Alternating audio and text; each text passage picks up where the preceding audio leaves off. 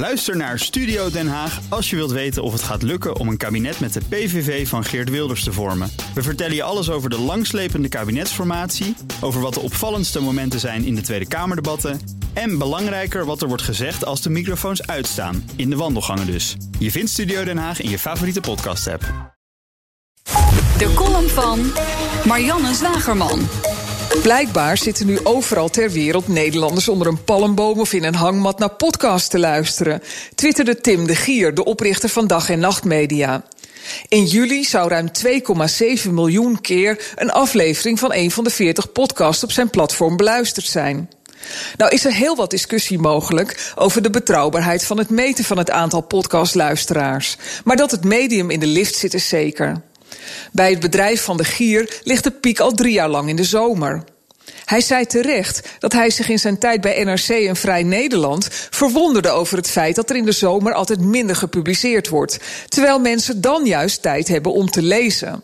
Tijd die ze nu blijkbaar gebruiken om te luisteren. Mediabedrijven duwen ons al jaren magere komkommers door de strot in de zomer, terwijl we dikke vette inhoud willen.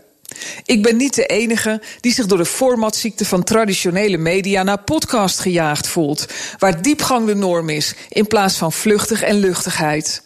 Jaap Jansen zei laatst in zijn betrouwbare bronnen dat hij iets wilde maken wat op de Nederlandse radio en televisie nauwelijks meer te vinden is: lange gesprekken met interessante gasten. Maar wie zijn toch de mensen die in de hangmat naar dat soort dingen luisteren? Daar weten we nu eindelijk iets meer van, dankzij onderzoek van de Rijksuniversiteit Groningen. Iets meer, want BNR bleek de belangrijkste aanjager van deelnemers aan de enquête onder luisteraars, waardoor het beeld scheef getrokken wordt. Het lijkt nu net alsof podcast luisteren vooral een mannenaangelegenheid is, terwijl de man-vrouw verhouding in internationale onderzoeken meestal 50-50 is. Toch komen er wel wat nuttige dingen naar boven. Bijvoorbeeld dat 35% van de luisteraars wel zou willen betalen voor een podcast, liefst in de vorm van een donatie. Maar dat nog vrijwel geen podcastmaker iets verdient. De podcast is in Nederland nog een hobby. Ook bij dag- en nachtmedia gaat de vlag niet uit na het zomerse luisterrecord. Het betekent vooral dat ze elke maand de kosten voor meer dan 60.000 gigabyte aan streaming moeten ophoesten. Zo is het podcast speelveld vrij voor de club die geen verdienmodel nodig heeft, de NPO. Of dat helemaal eerlijk is, moet minister Slop na de komkommertijd maar eens uitleggen.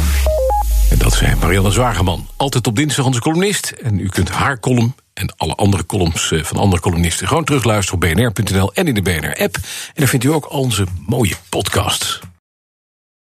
Ook Thomas van Zeil vind je in de BNR-app. Je kunt live naar mij luisteren in Zaken doen. De BNR-app met breaking news. Het laatste zakelijke nieuws. En je vindt er alle BNR-podcasts. Bijvoorbeeld Het Nieuwe Geld. Download nu de gratis BNR-app en blijf scherp.